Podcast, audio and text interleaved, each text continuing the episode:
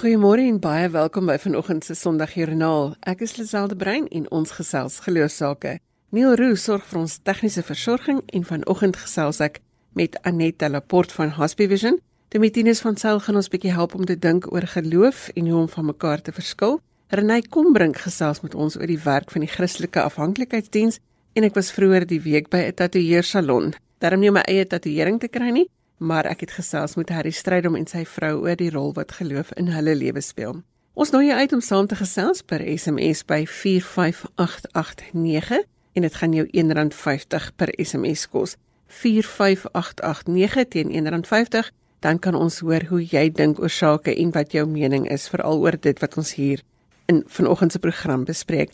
Dis ons goed om te weet julle luister saam en dat julle saam dink en gesels oor alles wat hier by ons op die tafel is. Jy kan ook saamgesels op Facebook. Ons sit elke week die program se inligting op ons gemeenskapsblad daar en ons gesit dit ook op RSG se webblad by rsg.co.za. Sondagjoernaal is as 'n potgooi beskikbaar. Jy kry dit op RSG se webwerf by rsg.co.za. Gaan soek by die potgooi opsie en as jy Sondagjoernaal daar intik met vandag se datum, dan sal die program daar wees net na afloop van die program.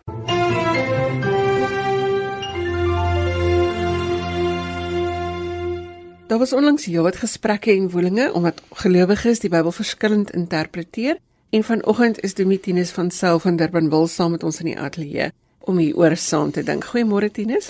Goeiemôre Lisel, baie dankie. Tinus, ons albei lees die Bybel, maar ek hoor iets totaal anders as jy en nou is ek reg om jou bloedneus te slaan want jy dwaal na my mening. So is ek en jy die eerste twee mense wat nou hierdie probleem teekom. Definitief nie Lisel, eintlik as 'n mens ehm um, die Bybel gaan lees, ek wil amper sê op elke bladsy van Paulus se briewe kry jy sake waaroor gelowiges met mekaar verskil het en verskillende interpretasies van die geskrifte en daaroor gewonder het en hoe moet ons met dit maak. En dit was ook nie vir hulle onbelangrike sake nie dit was dinge wat regtig aan hulle hart geraak het aan hulle lywe geraak het. Dinge soos moet ons nog die wet van Moses onderhou? Moet mans nog besny word kan ons onrein kos eet of mag ons dit nie meer eet nie. Dit was dinge wat tasbaar aan hulle lywe geraak het, dinge wat aan die hart en wese van hulle geloof en hulle godsdiens was en wat hulle radikaal van mekaar verskil het. En jy kan selfs verder ook teruggaan, selfs in die Ou Testament het jy gekry dat daar sekere tradisies was, sekere rabbies, sekere geskrifte uh, en dan was daar weer ander tradisies en ander geskrifte, ander rabbies wat ehm um, dit anders geïnterpreteer het, weer iets anders uh geskryf het daaroor 'n uh, 'n ander geskrif geskryf het wat in in gesprek getree het met die eerste geskrif uh en so kry ons eintlik uh selfs in die Bybel alreeds 'n uh, 'n lewendige gesprek oor allerlei sake waaroor mense wonder, nadink, hoe moet ons dit verstaan? Hoe moet ons daaroor dink? Dis eintlik so oud soos die Bybel self. Nou, as ek en jy nou so van mekaar verskil, beteken dit ons tweeetjies se paaie moet nou skei. Ons gaan nou net nooit weer met mekaar praat nie. Ek dink dit sal jammer wees want ek dink ons leef eintlik in 'n wêreld waar dit al hoe meer gebeur waar mense maar hulle self omring. Ek doen dit self myself omring met mense wat soos ek dink en dinge soos ek sien. Maar dan waar lê die geestelike groei nou ook daarin as ek myself net omring met mense wat dinge net dieselfde as ek sien? Ek dink is eintlik 'n groei geleentheid wanneer ek in gesprek tree met mense wat dinge dalk 'n bietjie anders sien as ek en ons daaroor nadink en en hoe moet ons dit nou verstaan? Kom ons gesels daaroor, kom ons praat daaroor en telkens het dit my al verras wanneer ek so in gesprek tree met mense wat regtig van my verskil en ons mekaar 'n slag in die oë kyk en regtig mekaar se harte ook hoor, dan dan kom jy agter maar dit is nie iemand boos of sleg of uh iemand met wie ek niks te doen moet hê nie. Hier is 'n mens en 'n mens met mense vir wie hy of sy lief is en 'n mens met bekommernisse en vrese en dinge waaroor hulle wonder en en waarmee hulle um in gesprek tree en en regtig oor mee erns maak. En as ons mekaar se se menslikheid kan raak sien, as ons albei kan sien dat ons regtig op soek is na die waarheid, dan is al elke keer vir my 'n wonderlike verrassing en 'n ontdekking. Al voel ek ek stap ryker daar weg uit daai gesprek.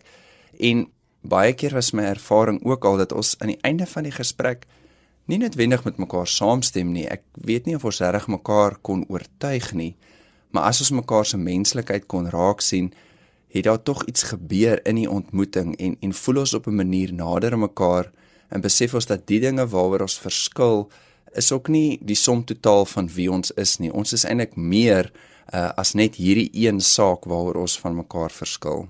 Dis graag waarby ek nou wil uitkom. Ons is meer as ons verskille. Ons is 'n geloofsgemeenskap of dit ek en jy is en of ek ek en jy in die groter gemeente is. Ons is 'n geloofsgemeenskap wat mekaar moet ondersteun. Hoe doen ons dit? Hoe hou ons daai hoop lewendig?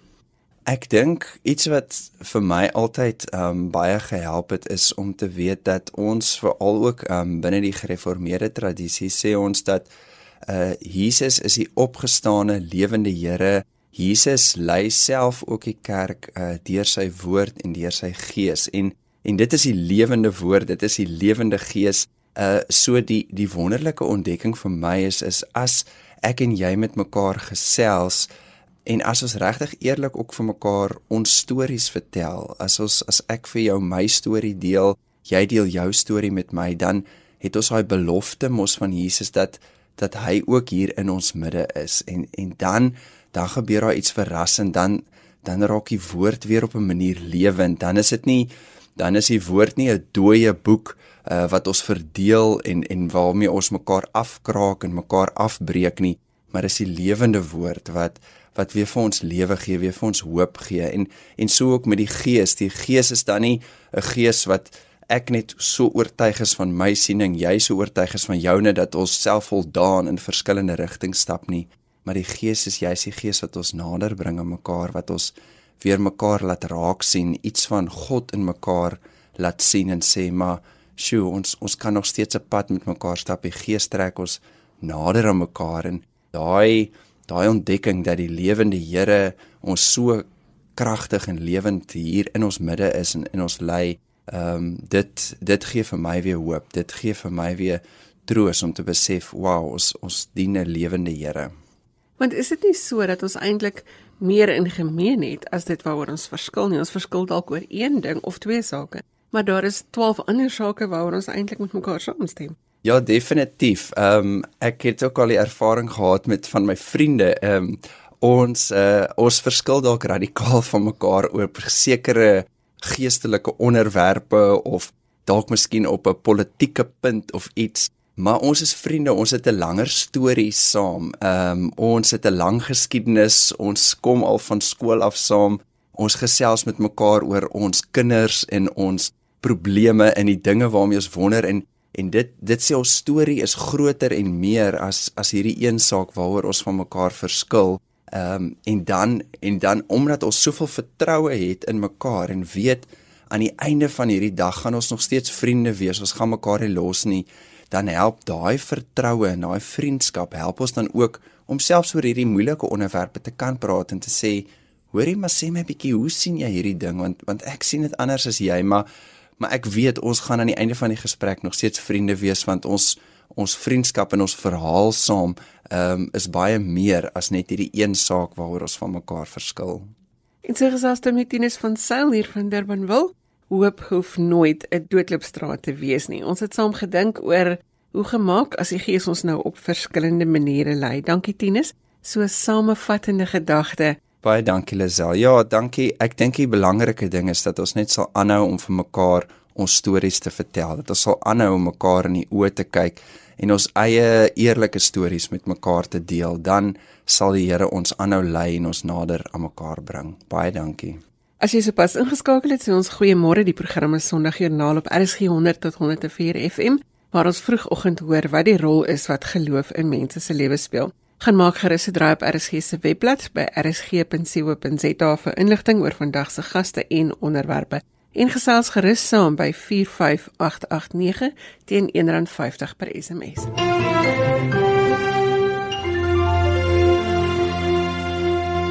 Renay Kombrink is van die Christelike Afhanklikheidsdiens en ons hoor vanoggend presies wat die diens is wat hulle lewer. Goeiemôre Renay. Môre, Lisel. Kom ons begin dan sommer by die begin Renay. Wat is die werk van die CAD? Die CAD is 'n organisasie van mans, vrouens, jong mense, kinders wat mense met 'n afhanklikheidsprobleem help. Aan die ander woorde, as hulle probleme het, dan kan ons toe kom Ons verwys hulle dan na 'n rehabilitasiesentrum want ons is nie een nie. Maar ons is absoluut gefokus op die nasorg as hulle uit die sentrum kom. Nou, wanneer word mense as 'n afhanklike beskouer, nee? Moet jy elke dag pornografie kyk en drink en dobbel wat alles ook as afhanklikheid beskou word, nê? Nee? nee, dit is uh, ongelukkig werk dit nie so nie, want dan was dit maklik om mense te identifiseer wat dan afhanklik is. Jy kry baie byvoorbeeld met alkohol naweek verslaafdes. As jy hele week uit en dan net naweke uh, alkohol misbruik of byvoorbeeld dwelms ook, hulle sal in die begin dis dit vir 'n lang tyd wat hulle daarop kan gaan sonder dat mense regtig agterkom. Maar ongelukkig raak dit ook so dat hulle kry nie dieselfde resultate uiteindelik wat hulle in die begin gekry het nie. En hulle is altyd op soek na daai kan ek dit in Engels noem die high wat hulle gehad het. Met ander woorde hulle gaan al sterker en sterker dwelms gebruik. Maar dit sê te sê dat hulle elke dag ook gaan gebruik nie. Want party lig weet is wat hulle noem hulle sit op jou op high en dan weet jy kry uppers en downs. So dit is nie altyd ongelukkig of liewer gelukkig mense wat elke dag dit misbruik nie. En dieselfde met pornografie, dis natuurlik die moeilikste een omdat niemand weet wat daai persoon hoeveel hy kyk en wat hy kyk en hy slet nooit erken.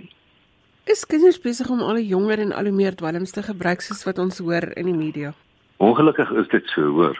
Uh, hulle het byvoorbeeld in 'n platlandse dorp by 'n skool 'n anonieme opname gemaak en hulle toe agterna het hulle uh, met die opnames wat hulle toe nou geneem het, het hulle gesien dat dat 80% van daai kinders gebruik dagga op 'n gereelde basis. En dit is nie dit kinders wat jy dit regtig was identifiseer onmiddellik en sê o nee, dit lyk asof hulle dit gebruik nie. Want weer eens, hulle rook dit nie die hele dag nie. Rook dit miskien nie elke dag nie, maar tog is hulle verslaaf. Onthou net dat die die eenvoudigste definisie van verslawing is as jy nie sonder 'n ding kan klaarkom nie, dan is jy verslaaf. En ongelukkig is dit by kinders aan die toeneem. Renai, watter rol speel geloof in dit wat jy doen? Ja, die geloof in Jesus Christus is absoluut alles hoor. Ek kon byvoorbeeld uh, nie gaan vir behandeling nie. Toe ek destyds vir ophou nie. En dit was net hy wat my daardeur getrek het. Sodat ek sonder behandeling dit kon doen. My werksomstandighede was so hard ek kon dat ek nie kon gaan nie. En dit het ook mense geloof absoluut versterk want onthou ek het nooit besef dat die verkeerde ding wat ek doen is nie net om die alkohol te misbruik nie, maar dit is eintlik om vir hom nie in soveel woorde nie, maar deur my dade te sê dat ek glo nie wat hy sê dat hy sal vir ons vrede en vrede gee wat alle verstand te bowe gaan nie en dat ek eintlik gesê het ek ek soek dit in alkohol. Ek kry dit uit alkohol. Ek kry dit nie uit hom uit nie. En tog het hy my geskaap met alles wat ek nodig het om self sy verteenwoordiger op aarde te wees. So my geloof is word elke dag versterk omdat ek die probleme wat ek gehad het dag vir dag na hom toe gaan en sê asseblief help my net vir vandag en hy doen dit elke dag. Nou jy is nou al baie lank nie meer 'n verslaafde nie of ek weet nie of mens ooit kan sê dat jy nie 'n verslaafde is nie. Maar hoe maklik is dit om hierdie pad te stap om te sê ek gaan nie vandag 'n drankie drink nie. Wel weer eens as jy regtig staat maak op Jesus se krag En jy weet hy wil dit vir jou gee. Hy wil dit vir graag gee. En ook jy moet onthou dat die mense om jou wat ook dieselfde pad geloop het, is baie belangrik. Want dis hulle wat regtig verstaan waartoe jy gaan. Dis maar byvoorbeeld ek nou al gehoor van die kankerleiers wat ook op 'n gereelde basis mekaar kom. En dit is net so ons is ons is gemaak om mekaar te help. Dis tog hoe kom ons geskape is om verteenwoordigers van Jesus hier op aarde te wees. En dis nie 'n maklike pad om weg te bly van die goed nie, maar dit is 'n dit is 'n wonderlike pad in die opsig dat jy mense kan skakel en sê jong, dit is besig om my te gebeur. Ek weet nie wat aangaan nie, help my en onmiddellik help hulle jou. Watter invloed het dit op jou eie geloofspad wanneer jy met hierdie werk besig is, die werk van die Christelike afhanklikheidsdiens? Wel, elke keer sien ek wonderwerke. Daar's hoeveel wonderwerke wat ons in die CAD sien van mense wat so verslaaf was dat die vrou net wou haar goed vat en loop. Sy was besig om in elk geval prokureur te sien om te skei en dan uiteindelik gaan hy vir behandeling en ons vang hom op na behandeling hy groepe kom bywoon en dit is 'n absolute noodsaaklikheid dat dit maak nie saak hoe lank jy skoon is nie. Dis dat jy gereeld groepe sal bywoon. Ons het byvoorbeeld 'n opname gemaak onder die ons lede, ons het so 71 groepe landwyd en die lede wat vir 'n jaar of langer skoon bly, doen drie dinge. Hulle neem Jesus aan as saligmaker en verlosser. Hulle woon elke week die byeenkomste by en hulle raak betrokke by die kerk. Hulle gaan nie net kerk toe nie, hulle is 'n diaken of 'n ouderling of 'n kommissie of wat ook al. Dis nie ons wat skoon bly. So dis iemand wat waarde vind in die lewe wat hulle doen en die kerk is daar om 'n netwerk te wees om mense te vang wat hulp nodig het.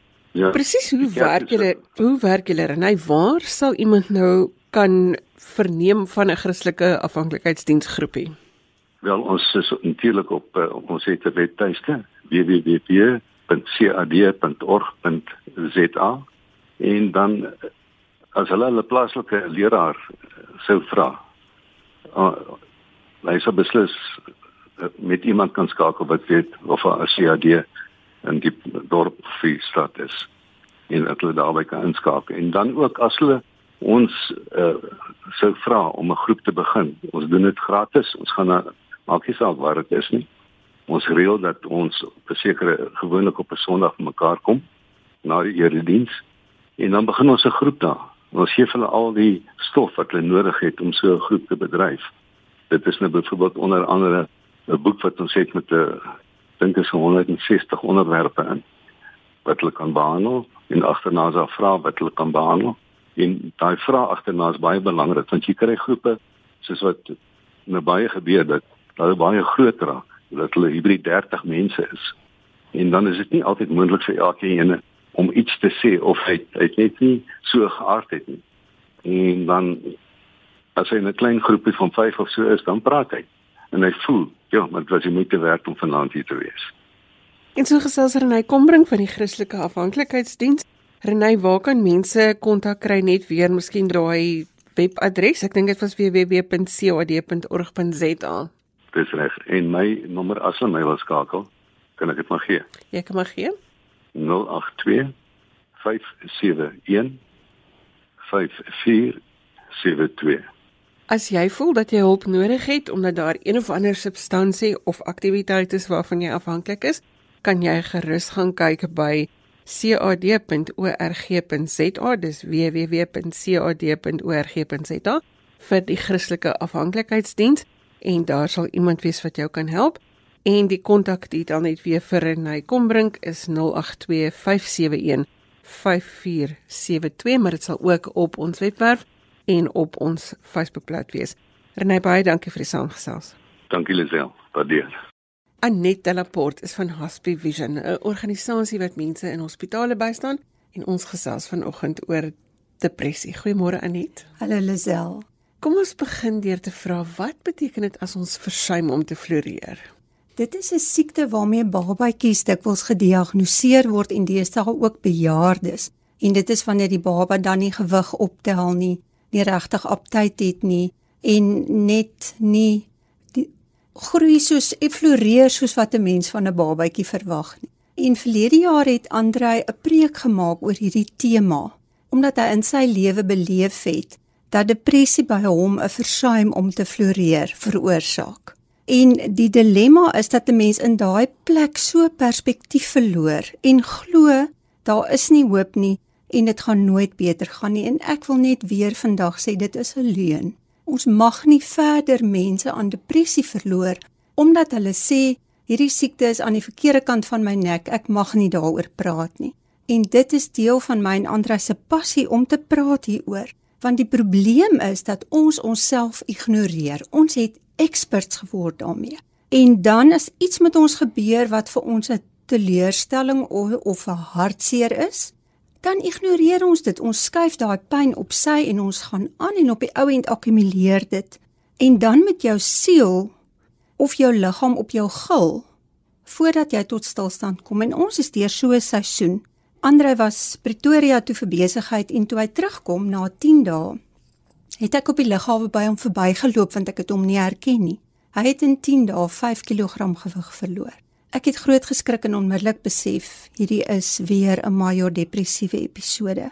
En in hierdie seisoen wat dit nie beter gegaan het nie wat hy versuim het om te floreer het hy 'n intense doodswens ervaar en ek wil dit graag verduidelik. Ons is almal bekend met selfdood, maar 'n doodswens is wanneer jy geen planne maak om 'n einde te maak aan jou lewe nie. Jy gaan net elke aand slaap met die gebed op jou lippe dat die Here jou vannag sal wegneem. En in hierdie tydperk moes ons op 'n punt kom wat ons besef hierdie ding gaan nie van self omdraai nie. Ons het hulp nodig. En in in Januarie het hy elke week 'n kilogram gewig verloor. Dit was my angswekkend om te sien hoe hy wegkwyn voor my oë. En ons het 'n afspraak met die psigiater gemaak, gereël vir opname. In 10 dae was die doodswens weg. Van die medikasie is nie net verander nie, hy het ook nuwe hulp en nuwe insigte gekry en hy het besluit hierdie gaan 'n keerpunt wees in sy lewe. En ek wil sê moenie so onnodig swaar kry nie. Ons het te lank gewag. Ons wat 34 jaar met hierdie siekte reis en van beter moes weet, het te lank gewag en onnodig swaar gekry. En net as ons net kan konteks gee, Andre is jou man. Ja. Julle is saam in die besigheid en julle werk saam ook elke dag met mense wat ook siek is, wat nie lekker voel nie. Hoe kan siekte as 'n spieël dien wanneer dit met jou sleg gaan? Siekte is altyd 'n uitnodiging. Siekte en pyn is ons leermeesters. En die eerste ding wat 'n spieël vra is dat jy bereid moet wees om jou kop op te tel en nie meer vir jou naaltjie te staar nie, maar eintlik in die spieël te kyk. Om te sien waar staan jy een beentjie, waar is daar 'n dreigement dat jy jou balans gaan verloor omdat jy te lang ure werk, omdat jy te veel verantwoordelikheid dra ken die grein van jy hout van jou mens wees, weet wat skep vir jou spanning en verstaan leer hoe om jouself te eer, weet wat het jy nodig en dan kry die soort hulp wat jy nodig het. Jy weet as jou huis aan die brand is, dan bel jy nie die tuindienste om te kom gras sny nie. Jy kry die brandweer. En as jy elke nag wakker lê en die helfte van die nag jou lê en bekommer oor die toekoms dan visualiseer jy beslis nie jou toekomsdrome nie maar jy dink aan alles wat skeef en verkeerd is. En en in hierdie proses van in die spieël kyk moet jy bereid wees om te sê hier en hier het ek 'n probleem en is hier vir my 'n uitnodiging vir groei. Kan jy sê dat jy sê bel die brandweer. Die woord psigiater is lankal nie meer 'n skelwoord nie. Dit is dit is iemand wat jou kan help So jy moet uitreik na iemand wat vir die regte hulp kan gee. Absoluut. En daar is ongelukkig dikwels 'n waglys om 'n psigiater te sien. Ek sien baie keer met mense met wie ek berading doen, dit vat tot 6 weke. Gaan intussen terug na jou huisdokter. Dikwels is iemand reeds op 'n antidepressant, maar die medikasie is nie effektief genoeg vir die bloedvlakke van daardie spesifieke persoon nie en as dit effens verhoog kan word terwyl jy wag om die psigiater te sien, is die doodswens minder, is die pyn minder, is die angs minder. Dit gaan daaroor dat jy moet aandag kry en dat Absoluut. iemand aan jou moet aandag gee. Ja. Kan ek vra jy stel jy stel dit so mooi dat jy moet luister na jouself, dat jy moet bewus wees, vir jy weet mos wanneer jy van balans af is. Kan kreatiwiteit help om lewensvreugde te herstel? Absoluut. Ek het op 'n stadium verlede jare hoop droogte beleef ek het 'n droogte gehad. Andrei was in 'n hoop woestyn. Daar was nie eers 'n oase insig nie. En dis asof ek net eendag 'n fisiese teken nodig gehad het, iets om aan vas te hou behalwe aan God natuurlik. En ek het hierdie prentjie gehad van 'n oorbelle en 'n hangertjie waarop die woord hoop staan. En ek het dit geteken en ek het besef dit moet nie gegraveer wees bo op die silwer nie. Daar moet 'n gat deur die metaal wees sodat die lig deur die donkerte kan skyn. Ek het dit vir 'n vriendin gestuur wat juwele ontwerp en nou trek ek my elke dag in hoop aan. En die fisiese teken maak vir my emosioneel 'n verskil. Dit is ook iets wat Andre elke dag raak sien wanneer hy na my kyk. Dit is ook iets wat die pasiënte en die families en die verpleegpersoneel sien wanneer ek met hulle praat. En in 'n tyd toe Andre nie woorde gehad het nie, het ek vir hom so klein uh tekenblokkie gekoop met kleurpotlode en hy het stokmannetjies geteken. Lisel, ek kan nie vir jou sê wat die waarde dit terapeuties gehad het. Hierdie stokmannetjie prentjies wat vir hom help verstaan het waar loop hy en wat gebeur in sy geesmens nie. En en ek het ook begin om stories te skryf. En 'n blok en elke uitdaging vir my was om elke storie positief te eindig want ons het hoop nodig. Ons wil nie verder op moed verloor se vlakte sit nie. En dan is ek baie lief vir kreatiewe idees. So eenmal 'n maand drink ons champagne om die lewe te vier, om die feit te vier dat ons albei nog lewe ook. En die dag het ek gesê vandag is dit dankbaarheid is ons tema. So vir elke slukkie wat ons gedrink het, moes ons 'n huildronk instel. En toe Andre se lag glas so kwart was, toe sluk hy dit weg en sê my dankbaarheid is nou op. en ons kon lag en ons kon die storie vertel vir die psigiater. En in in die die analise in ons speelkyk oefening nou in hierdie krisistyd, het ons besef Andre is te veel met administrasie besig en te min met sy eie kreatiwiteit en toe het hy 'n kursus gaan skryf oor supervisie vir pastorale beraders en hy het nou 'n geselskamer begin waar hy mense reis met mense met depressie en ook supervisie op Skype doen vir pastorale beraders en predikante en dit maak so 'n kwaliteitsverskil in sy lewe. Dit wys jou dat as jy jou kop optel en as jy kyk daar buite dan is dan sien mens ander dinge raak en dan sien jy hoop raak. Waarvoor hoop jy, Anet? Ek hoop soos Jakob se kudde van bont en gestreepte skape, dat ek hoop kan vermenigvuldig, dat ek dit kan aanteel. Dat die feit dat ons openlik praat oor ons pyn en ons deurbrake vir ander mense kan help om perspektief te gee. Ek hoop om 'n oase van hoop te skep en ek het besluit ek gaan my helikopterpad waarop vreugde in my lewe kan land, gaan ek inruil vir 'n hele aanloopbaan waarop 'n bouing van vreugde kan land en ek teer daai pad op die oomblik in my lewe met hoop. Ek was in gesprek met Anet Delaport, iemand wat eerstehands met depressie werk elke dag en wat dit deurleef saam met haar man en ons het 'n bietjie gesels oor wat dit beteken om te versuim om te floreer. Anet, as iemand met jou wil kontak maak, waar kan hulle vir jou 'n uh, e-pos stuur of of skakel? Ja, hulle is baie welkom. Hulle kan my skakel by 083 794 35 37 of hulle kan vir my e-pos stuur na anet@holdontohim.co.za. En ek doen ook hoopwerkswinkels waar ek mense leer om weer hulle lewensvreugde te herstel. Ek gaan gou weer daardie kontakdetail herhaal. Dis 083 0765363537 of jy kan vir Annette e-pos stuur by anet@e.e by holdontohim.co.za. Al daardie kontakdetails sal op RSG se webblad wees en ook op Sondagjoernaal se Facebookblad wees. Annette, baie dankie vir die saamgesels vanoggend. Dankie Lisel. Ek was in gesprek met Annette Delaport, iemand wat eerstehands elke dag met depressie werk. Ons gesels geloos sake tot kort voor 8uur wanneer ons oorgee vir die nuus, maar eers hoor ons van die tatoeëerkunstenaar Herman Strydom. Ek het vroeër die week by hom gaan inloer. Vanoggend kuier ons in 'n tatoeëer salon en dis nie vir my om 'n tatoeëermerk te kry nie, maar om te gesels met Herman en Dominique oor die rol wat geloof in hulle lewe speel. Herman, jy was 12 jaar gelede in 'n ongeluk, vertel ons daarvan.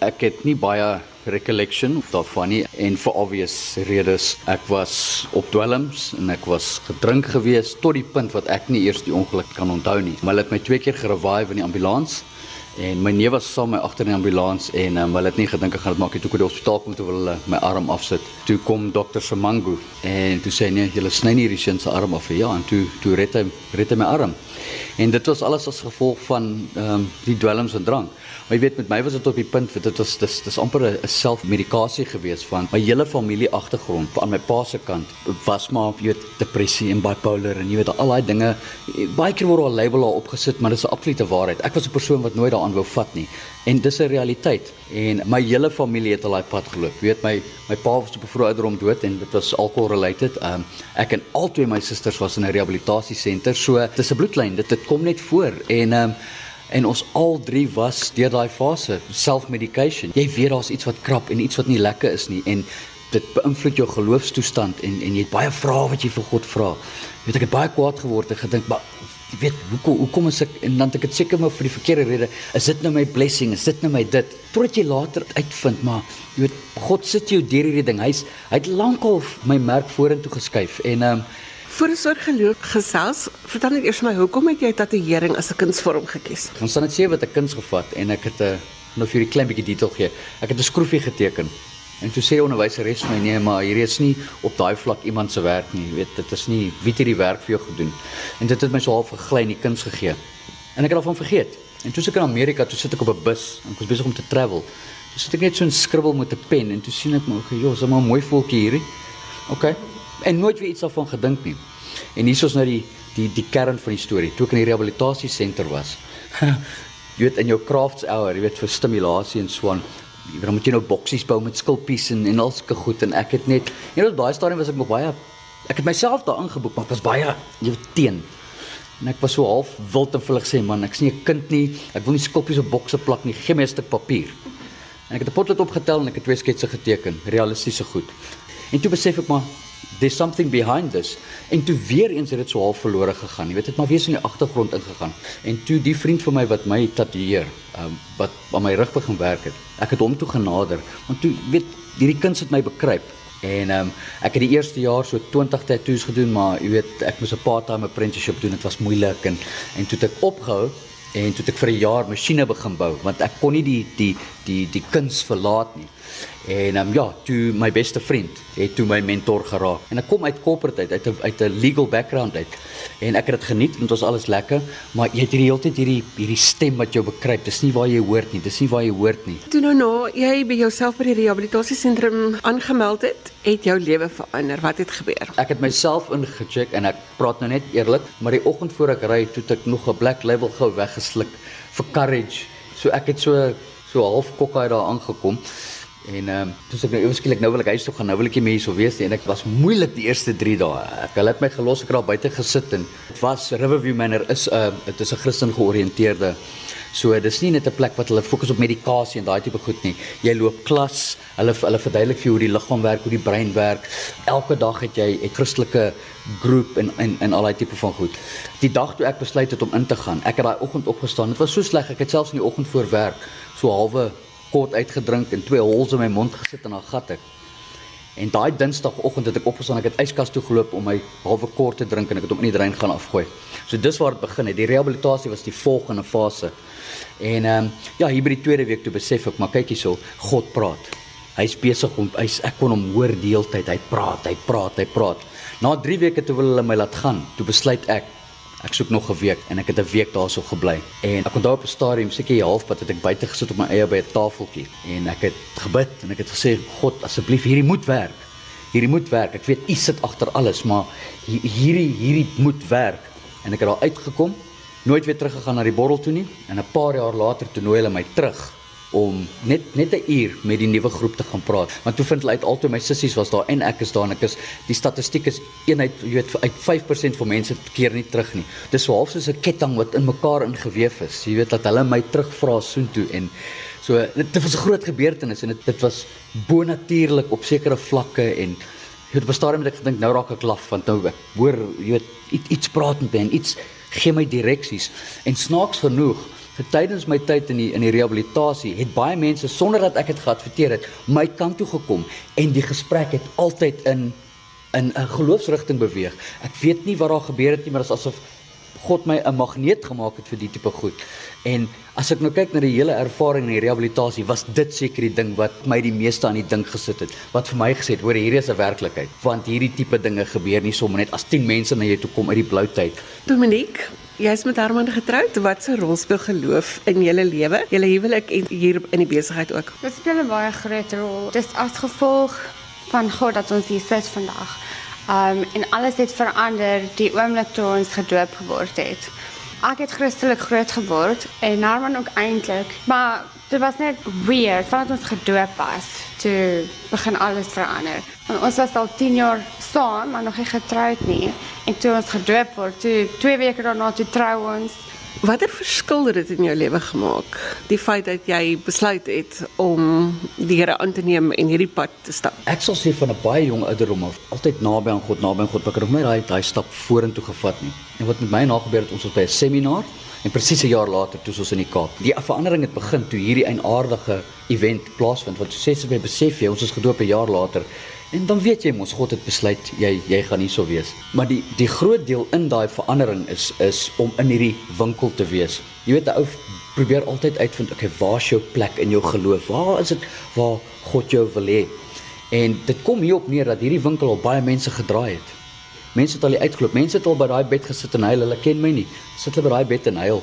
Hulle vertel vir my dinge daar wat jy nie vir 'n vreemdeling moet vertel nie. Behalwe dat jy jou pad loop saam met God. Vir my is daai seker die die beste gawe wat God vir jou kon gee. Is toes nie 'n ding net van kopbene en 'n kultiese bedrywighede nie. Die industrie het 'n swart agtergrond en jy weet die industrie het aan homself gedoen. Jy weet jare terug met die seemanne hier in die 30's wil begin en so aan met die seemanne en toe die bikers en al het so uit homself vir die industrie gegee. Die probleem is net dat saam met daai donker deel word ons geassosieer met die donker deel. Dis waarom ek ek weier om sekere goed te doen. Ek het laasweek weer iemand afgewys.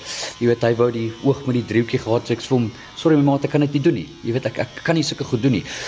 Ek en my en my business partner is is ons is op 'n missie en hy sal op 'n missie vir 11 jaar om daai stigma te verander. En ons het. So en weet jy wat se snaakse ding? Ek noem dit die gaga Hulle kom tot by die deur, hulle inquire by die counter en ek sien hulle nooit weer nie. Dis asof hulle net hier uitgehou word. Sien jy die land kan inspireer vanoggend? Wat sal jou inspirasie boodskap wees? Twee dinge.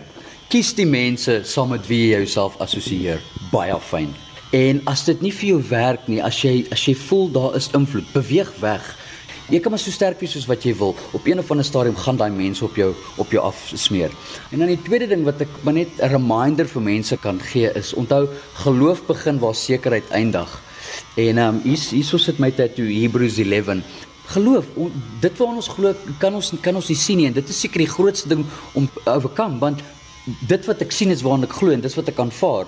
Dis nie hoe dit hoe dit werk in die geloof nie. Jy kry jou passie in die lewe. Jaag na jy weet wat vir jou belangrik is en wat jou satisfaksie gee in die lewe.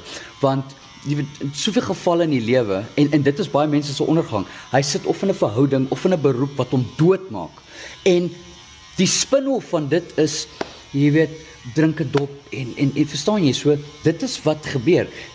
Jy weet kom uit daai misery uit. Kry vir jou 'n plek waar jy gelukkig is. En met daardie storie van hoop van die tatoeëer kunstenaar Herman Strydom is ons aan die einde van vanoggend se Sondagjoernaal. Ons gaste vanoggend was Donitines van Sail van Durbanville, Renay Kombrink van die Christelike Afhanklikheidsdiens, Annette Laporte van Happy Vision en Herman Strydom en sy vrou oor die rol wat geloof in hulle lewe speel. Jy kan vir my e-pos met kommentaar of as jy 'n geloostorie met ons wil deel, my e-posadres is lizel@wwmedia.co.za. Ek herhaal dit vinnig, dis Lizel L I Z E L E by wwmedia.co.za. Tot volgende week groet ek met die hoop dat jy 'n verskil sal maak in iemand se lewe, dat jy in liefde sal uitreik en dat jy iemand se dag sal makliker maak. Vir my Neil, totsiens.